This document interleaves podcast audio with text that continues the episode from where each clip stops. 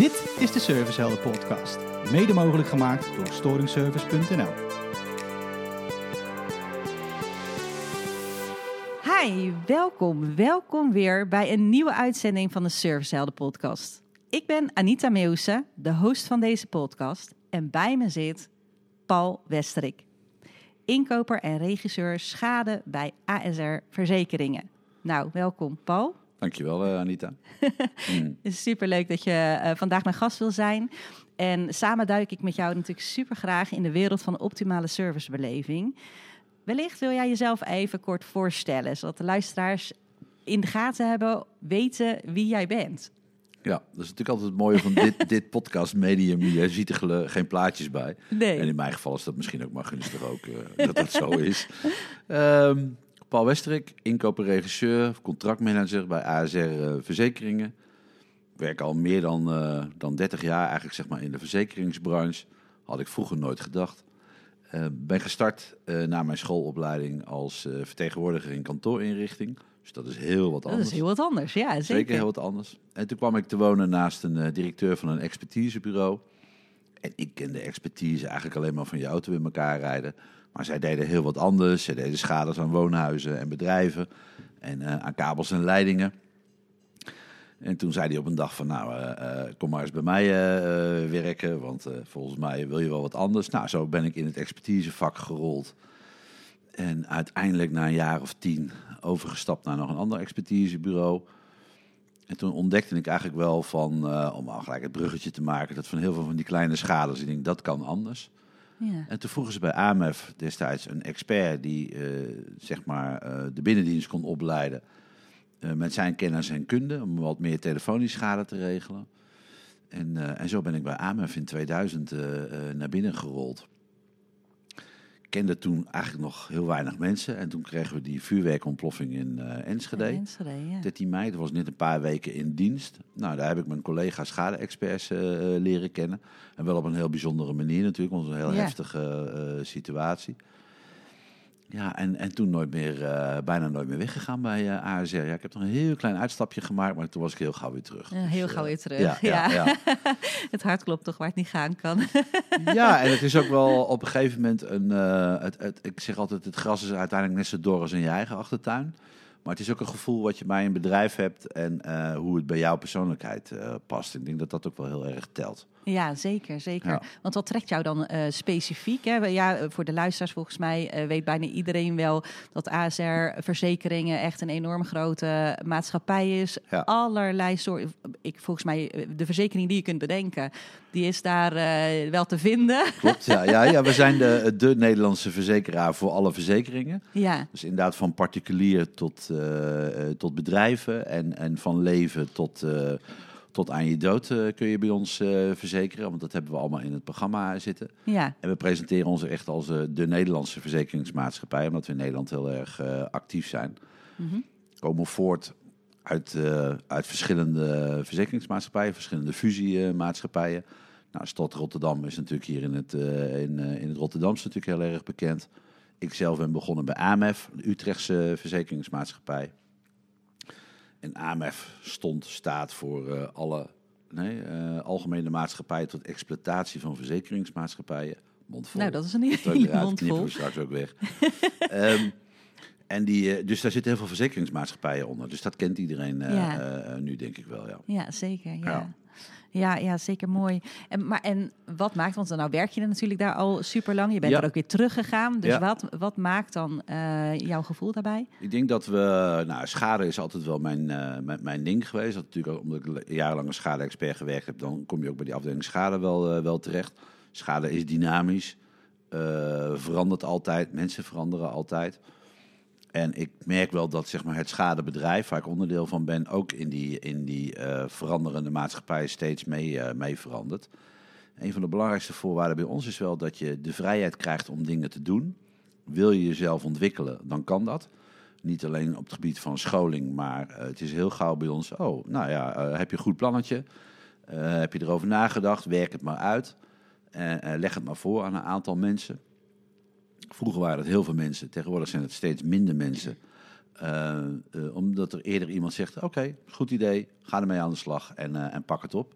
En niet alles was een succes, maar dat geeft ook niet. En, en dat gevoel van vrijheid, dat ik zeg maar me- me- mezelf kan zijn en dingen kan ontwikkelen, ja, dat is heel erg belangrijk. Ja, dat is En, super prettig. ja, ja, zeker. Ja, zeker. ja, nou ja, dat maakt dus ook dat je er gewoon blijft. Of dat je dus in ieder geval even eh, een uitstapje, maar dan toch weer terugkomt. Ja, ja, ik heb inderdaad een Ja. uitstapje gemaakt en dat, was, dat lag niet zozeer aan het bedrijf. eh, maar de- ik dacht van nee, maar ik pas met mijn eh, karakter en mijn wezen, pas ik niet bij dat, dat bedrijf meer, waar ik vroeger wel gewerkt had.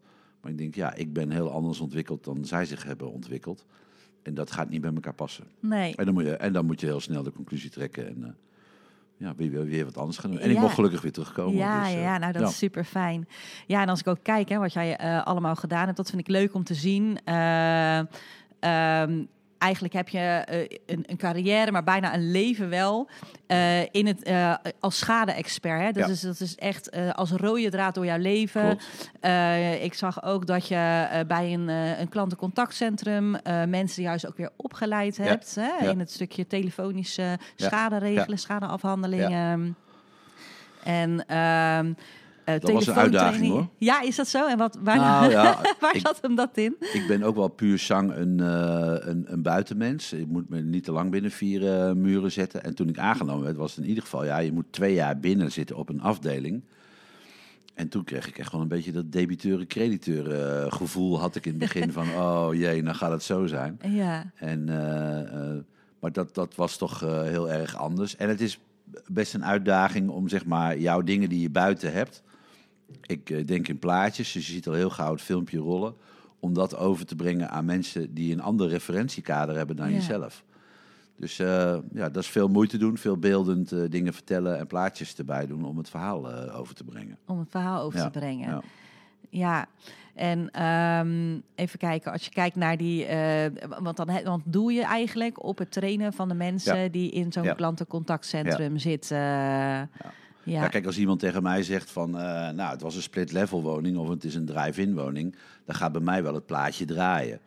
Maar als jouw referentiekader anders is, of je moet daar nog over nadenken van, verrek, een drive-in woning, wat is dat dan? En eh, hoe, hoe werkt dat dan? Een keuken op de eerste verdieping en een woonkamer. En, eh, nou, voor mij draait het plaatje al automatisch, maar dat soort beelden aan een ander overbrengen en daardoor de juiste vragen kunnen stellen.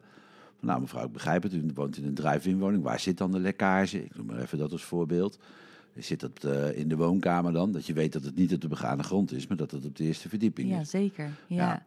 Nou, dus eh, d- dat soort dingen overbrengen, dat vind ik mooi. Dat is mooi werk. Ja, zeker. Is dan, dat dan ook hetgene waar je echt op gefocust hebt eh, in dat stuk? Hè? Ehm, bij het opleiden van deze mensen. Want ja, je hebt een referentiekader, iedereen heeft een perceptie. Maar hoe verbreed je dat nu? Ja. Hè? Want dat is eigenlijk wat je, Ja. wat je wil dan. Ja. Om voor echte optimale klantenbeleving, klantenservice je goed kunnen inleven. Ehm, Nou, en ehm, kijk, wij zijn een, een eh, organisatie die verkoopt zijn producten via een tussenpersoon. En in wezen is de tussenpersoon is onze klant. Heel sec gezegd. Dus jij bent bij Pietersen, eh, de assurantiekantoor, heb je je verzekeringen ondergebracht. Op het moment dat jij schade hebt, zou je naar Pietersen toe moeten gaan. Pietersen moet jouw verhaal aanhoren. En vervolgens wordt dat weer vertaald door een schadeafdeling. En dan is het ook maar net de kunst. Hoe staat het op papier of hoe, hoe staat het op, eh, de e-mail? En dan moet de schadebehandelaar moet daar wat mee gaan doen. ja. En de ene keer is het klip en klaar. En de andere keer is het wat minder, eh, minder duidelijk. En dan heel formeel in de vroegere situatie moesten wij Pietersen weer bellen. Of een brief schrijven. Wat is er nou precies gebeurd met mevrouw Anita? Nou ja, daarvan hebben we op een gegeven moment gezegd... dat kan sneller. Laten we gewoon met die eindklant rechtstreeks. rechtstreeks communiceren. En tegelijkertijd ook communiceren met de tussenpersoon. Want die willen we wel informeren, want het is ook zijn klant Ja, wat daarmee gebeurt. Ehm, en dat maakt het natuurlijk wel uitdagend om die schadebehandelaar eh, eh, de juiste vragen te geven of de juiste mindset, zodat hij die klant ook in één keer kan proberen te helpen. ja, Het ligt achter ons dat we eh, drie brieven gaan sturen of vijf brieven gaan sturen om te vragen hoe het nu in elkaar zit. We proberen het in één keer, first time fix, in één keer op te lossen. ja. Of in één keer die klant verder te helpen. Ja, zeker. Dus dat is echt een onderdeel ehm, wat jullie ehm, ja, doorgevoerd hebben. Of wat jij hebt doorgevoerd, maar ik denk in de hele organisatie wel. Hè? Allemaal. Eh, Ja, ja, ja. om dat eh, echt het menselijke aspect, de directe contact, echt de verbinding echt te Ja. leggen Ja. eh, met de klant, met de eindklant eigenlijk. Hè? Degene die echt eh, de schade heeft. Ja, klopt. Ja, zeker.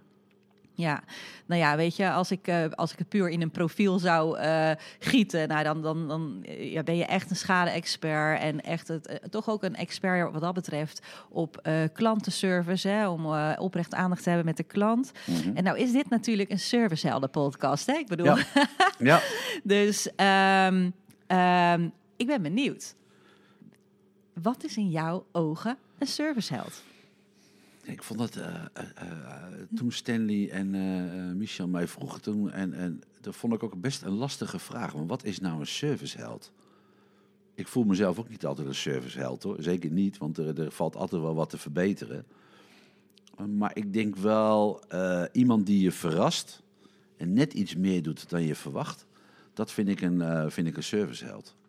Maar mag ik een klein voorbeeldje geven? Ja, ja, zeker graag. Want ik hoorde eh, van de week ook iemand, eh er was een van de monteurs was er, eh, was er geweest.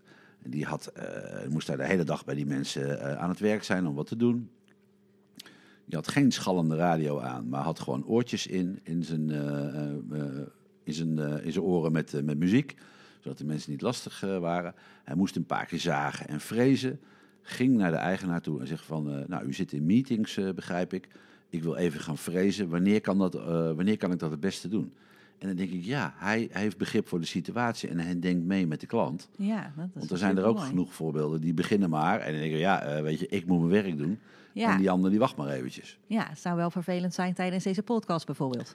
Ja, ja, nou ja, bijvoorbeeld. Dus, eh, maar goed, daar, daar zijn genoeg voorbeelden van, van die inderdaad gewoon hun eigen weg gaan, omdat ze hun eigen werk moeten doen. En ik denk, natuurlijk moet je je eigen werk doen, maar je ook verplaatsen in de situatie van een klant. Meehelpen, andere oplossingen aandragen. Ja, dan ben je voor mij wel een, eh, wel een Een held. echte eh. serviceheld, ja. ja. Dus eigenlijk eh, zit dat verrassende aspect, aspect zit hier ook zeker wel in, richting de klant. Hè? Want een klant kan me, kan me voorstellen dat je best verrast bent als een monteur daar überhaupt oog voor heeft Ja. of aandacht voor heeft. Ja, ja. Ik kan, eh, je- had ergens in een van je vragen ook van waar gaan je haren nog recht overeind staan. Ja, Een van de dingen waar mijn haren recht overeind is dat er als er een monteur eh, binnenkomt en die begint te zuchten en te steunen van, "Pff, ja, nou wordt het wel, dit is wel heel erg moeilijk. En dan, nou, ik weet niet of dat gaat lukken. En dan denk ik van, ja, vriend, ik huur jou in om juist mijn probleem wat ik niet kan oplossen, dat jij dat oplost. ja zeker. Dus leg niet jouw probleem bij mij neer, maar denk gewoon, nou, we gaan ermee aan de slag. Het wordt Ja. een uitdaging en, en eh, probeer het op te lossen eh, voor me. Ja, En ja, daar gaan mijn haren nog wel eens een beetje van overeind staan. Dat ik denk van, eh, nee, probeer mee te denken. Want ik heb het probleem en jij bent er deskundig om het op te lossen. om het op te lossen. Ja, Ja, ja. ja. zeker. Ja, en als zo iemand dat zelf niet kan, kan die altijd, ja, dan, dan verwacht je dat hij uiteindelijk ook weer een stap verder neemt om het op- uiteindelijk toch opgelost te krijgen voor je. Ja, of creatief gaat, eh, gaat denken of iemand anders inschakelt Ja, om precies. probleem eh, op te lossen. Ja, ja, precies. Ja, ja, ja mooie, mooie voorbeelden. Ja, als we kijken naar optimale eh, klantenbeleving en ik kijk dan naar ASR, ik ben natuurlijk ook op de website verder gaan kijken, ehm, eh, dan hanteren jullie ook wel specifieke richtlijnen echt. Kan, jij, kan jij dat vanuit ASR eens bekijken van nou, wat vinden jullie nou echt belangrijk in de servicebeleving naar jullie klanten? Poeh. Nee hoor, dat is helemaal niet moeilijk. Eh, we zijn natuurlijk een groot bedrijf en eh, eh, specifiek is nu de schadeafdeling. Als bedrijf zelf hebben we, hebben we bepaalde kernwaarden die we, die we uitdragen. We willen onder andere een duurzame verzekeraar zijn. Dus die duurzaamheid die gaat verder dan alleen maar recyclen. hè. Dat heeft ook voor mensen en milieu de, de aandacht. Dat willen we uitdragen. En als het naar de klant gaat, wij hebben drie credo's. Ik ben hulpvaardig, ik denk vooruit en ik ben doortastend. Dat staat er bij ons in. En die drie dingen moeten in jouw DNA zitten. Dat op het moment dat een klant eh, jou belt of eh, een, eh, een ander bericht stuurt, we krijgen natuurlijk van alle kanten schademeldingen, dan moet je met, vanuit die gedachte kijken waar je iemand mee kan helpen. Ja, Kijk, en dat kan de ene keer met schade zijn van, nou, ik geef je geld, omdat je zegt, van, ik los het zelf wel op. En het kan ook zo zijn van dat je een, eh, een hersteller gaat inschakelen, omdat je een bepaald probleem hebt waar je zelf niet uit kan.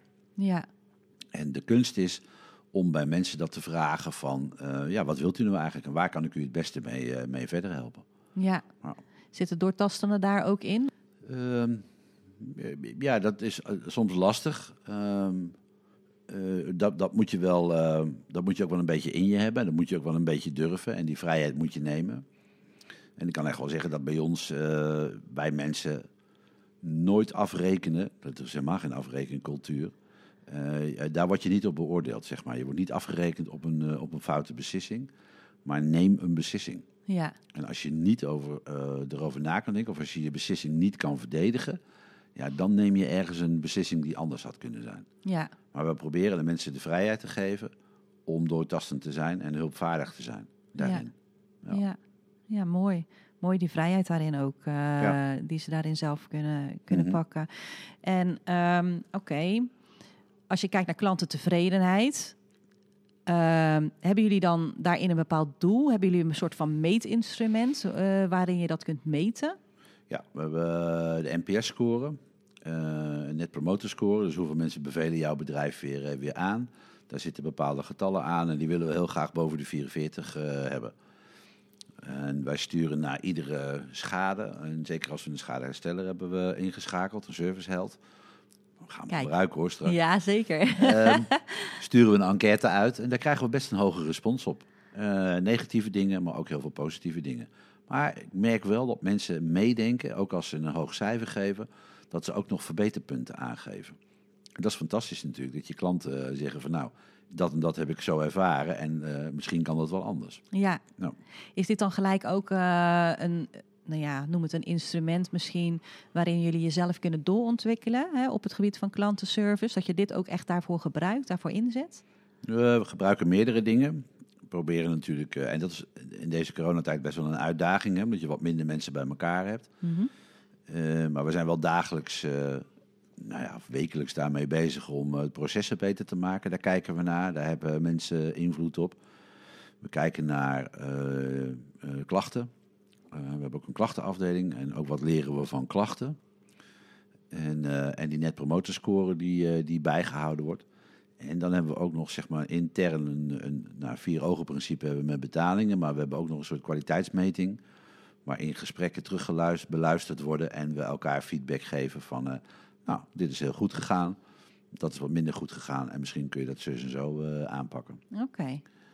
Blijft natuurlijk, schade is een dynamische wereld. Uh, en, en wat voor ons in, uh, in sommige ogen een heel klein schadetje kan zijn, kan voor sommige mensen een verschrikkelijke ramp zijn. Ja. En, uh, en daar zit van alles tussen. Uh, we hebben autoschades, we hebben brandschades, maar we hebben ook letselschades. Mm -hmm. daar, dat zijn ook weer heel andere emoties en andere dingen. Ja, zeker. Dus het is, het is best moeilijk. Nou, niet moeilijk, maar het is een uitdaging om daar een goede mix in te vinden hoe je mensen kunt, uh, kunt verder helpen. Ja, ja. ja. ja grote diversiteit. Mm -hmm. Ja. Jullie zijn uiteindelijk, of jullie, hè, de ASR heb ja, ik het dan natuurlijk over, de samenwerking aangegaan met storingservice.nl. Klopt. De, uh, daarom zit je natuurlijk ook hier, hè, want de Servicehelden podcast is van storingservice.nl. Um, vanuit welke behoefte is dat ontstaan? Welke behoefte vult storingservice bij jullie in? Uh, in eerste instantie schakelen we ze nu in voor de slotenservice. En um, ik kwam met Stanley en Michel een aantal jaren geleden kwam ik in, uh, in aanraking. Toen waren ze nog een, uh, een kleine, uh, kleine onderneming, om het zo maar te zeggen. Nog niet helemaal een landelijke dekking. En dat is voor mij wel van belang. Ja, dat ze Ja. een landelijke dekking hebben. Of voor, voor ASR is dat van belang. Ja, En ehm, ik zag en, en zie dat met name op het gebied van slotenservice, mensen die buiten sluiten of hun sleutels kwijt zijn, eh, daar zit een enorme, nou hoe zal ik het eens netjes zeggen, maar daar, daar bewegen wat cowboys op de markt en die gewoon voor één cilinder 1200 euro eh, vragen. Ja, Sta je daar s'nachts is ingebroken, je wil je, ja. je woning veilig afsluiten en dan komt er iemand en die eh, geeft jou een rare rekening en dan moet je, word je bijna, nou je wordt niet, je wordt gedwongen om 1200 euro af te, af te rekenen. ja. Ik denk dat kan anders. Alleen het is, en wij hebben best veel bouwbedrijven in ons netwerk zitten. Mhm. Alleen, dat merkte ik van ook van slotenservice werd niet door iedereen gelijk gelinkt aan een bouwbedrijf. Dus dacht ik, nou, dat moet ik anders doen. Dus toen kwam ik met, eh met hen in contact. Zeg, nou, ik wil heel graag de slotenservice doen. Nou, dat doen we. ja. Dus daar gaan we ze nu eerst op positioneren. Dat ze daarna, daarnaast nog duizend andere dingen kunnen doen. Dat, dat komt dan eh, in dat het kan vervolg er naartoe wel. groeien. Ja, zeker. Ja, ja. Eh, maakt, eh, maakt dat dit specifieke, die, dat, dat sloten service, maakt dat het ook zo waardevol nu, die extra toevoegingen? Of tenminste de samenwerking met... Ik denk het wel, want het Het maakt ze heel erg uniek in onze propositie met allerlei andere herstelbedrijven.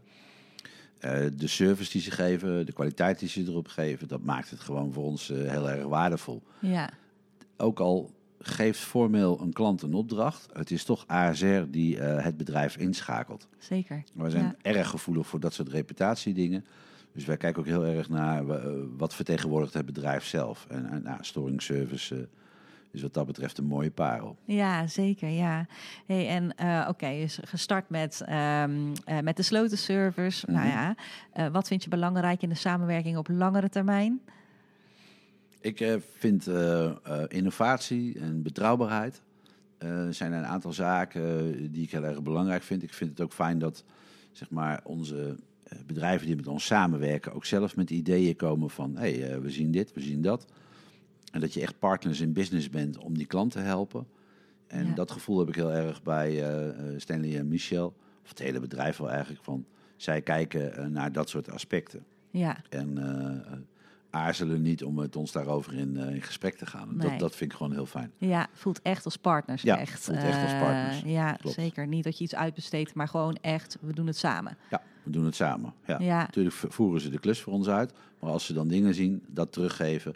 Hé, hey, dat kan anders. Eh, Ja. wat, wat kunnen we daaraan doen? Dat is prettig. Ja, zeker. Ja. Ja. Nou, superleuk om allemaal van te horen. Als ik even nu naar jou als persoon kijk. Hè, we hebben natuurlijk vooraf aan deze podcast al, eh, eh, al zeker wat gepraat. En superleuk. Maar hoe zou jij nou willen dat anderen jou zouden omschrijven? Oh, dat is een lastige vraag. Ja, Tijdens mijn leven of, of, of na mijn dood of zo? Eh, nou ja, goed. eh, als het tijdens je leven is, dan weet je het. En dan het is wel leuk om teruggekoppeld te krijgen van, nou ja, als mensen mij zo zien, ja, dan zou ik dat wel heel, heel fijn vinden. Zou ik dat heel tof vinden? Of dan heb ik wel mijn, mijn, mijn doel bereikt. Eh, Ja, je, je eh, nou ja, het is bijna psychologisch, maar je hebt eh, eh, verschillende nou ja, stemmen, zeg ik altijd maar, of verschillende motivaties in je zitten. Ik, ik ben ook wel een pleaser. Ik hou er ook wel van om mensen een heel goed gevoel te geven. En nou, ik hou van dat de mensen langskomen, dat ze komen eten. Er is altijd genoeg te eten. Zo ben ik ook opgevoed. Eh, in, eh, in die zin. En dat mensen zich welkom voelen en, eh, en vrij voelen om te zeggen en te denken wat ze, wa- wat ze doen. Dat, Ja. dat hoop ik uit te dragen, zeg maar. ja. Ja. Nou ja, weet je, ik denk dat dat als je zo vertelt en ook wat je hebt laten zien hè, in je carrière, Mhm. in de persoon die je, die je zelf geworden bent, maar ook hè, in, je, in je werk, dat het wel herkenbaar is daarin. Hè? Want als je dit graag wil, dat mensen dat van je zien. Ehm, en je zit dus op het stukje schade en mensen daarin te helpen te ontwikkelen, hè, jouw collega's, eh, ehm, ja, wie je zelf bent, neem je natuurlijk mee, ook in je werk. Ik denk dat het heel belangrijk is dat je, eh, dat je jezelf blijft. En aan de andere kant eh, heb je natuurlijk ook een, een werkgever, je hebt een opdracht. Heel saai gezegd, verzekeringen hebben ook met, met een polis te maken, met voorwaarden te maken en die draag je uit. Dus in 90% van de gevallen, of nou, misschien nog wel veel meer, kunnen we mensen blij maken. Omdat we die voorwaarden kunnen uitvoeren. Maar je moet ook af en toe eens nee verkopen. Omdat we dat zo niet bedacht hebben voor een klant. Of dat een klant een andere keuze heeft, eh, Ja. heeft gemaakt. Of domweg, het is niet verzekerd. Ja, En dat moet je kunnen uitleggen, eh, vind ik. En eh, daar word je ook wel eens persoonlijk op aangesproken. Dat is soms wel eens lastig, die komt wel eens aan. Aan de andere kant, ik trek het me nooit persoonlijk aan, want eh, probeer ik althans niet. Omdat, ja, dat is een uitvoering van mijn werk, van mijn taak. ja, Maar in die uitvoering van mijn taak probeer ik mensen gewoon blij te maken en net iets meer te doen eh, wat kan. Het is ook gewoon eh recht toe, recht aan af en toe. Maar het is ook als je wat extra's kan doen, ja, dan is het gewoon de kerst op de taart. Zeg maar. ja, daar word jij zelf ook extra blij van. Ja, want schade is niet altijd waar je blij van, eh, van wordt. Zeker niet eh, voor die mensen die het betreft. En, Nee. eh, en dat besef ik me ook wel eens. En vroeger zeiden ze ook ja, maar u gaat lekker naar huis en weer onder de warme douche. En wij zitten hier met de dingen. Ja. Ja. nee, dat snap ik ook. Ja, Maar ik probeer wel zo snel mogelijk de oplossing te vinden. dat, we weer, dat mensen weer kunnen douchen. Ja, ja, zeker. Alleen, ja, het is technisch gezien en bouwkundig gezien niet altijd mogelijk dat je de volgende dag weer, eh, eh, weer onder je douche kan staan. Dingen moeten drogen, moeten anders oplossen. En dat maakt het. Maar die vertaalslag maken en daar mensen in helpen, ja, daar word ik blij van. Ja, ja, mooi.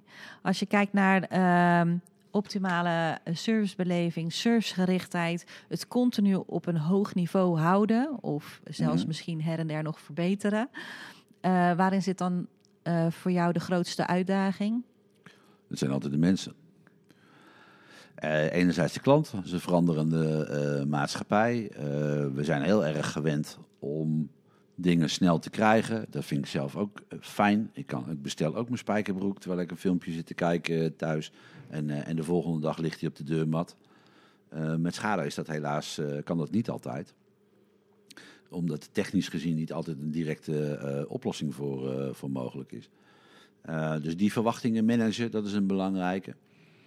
Tegelijkertijd moet je dus mensen hebben die daar ook in mee kunnen gaan en mee kunnen denken eh, in de klant.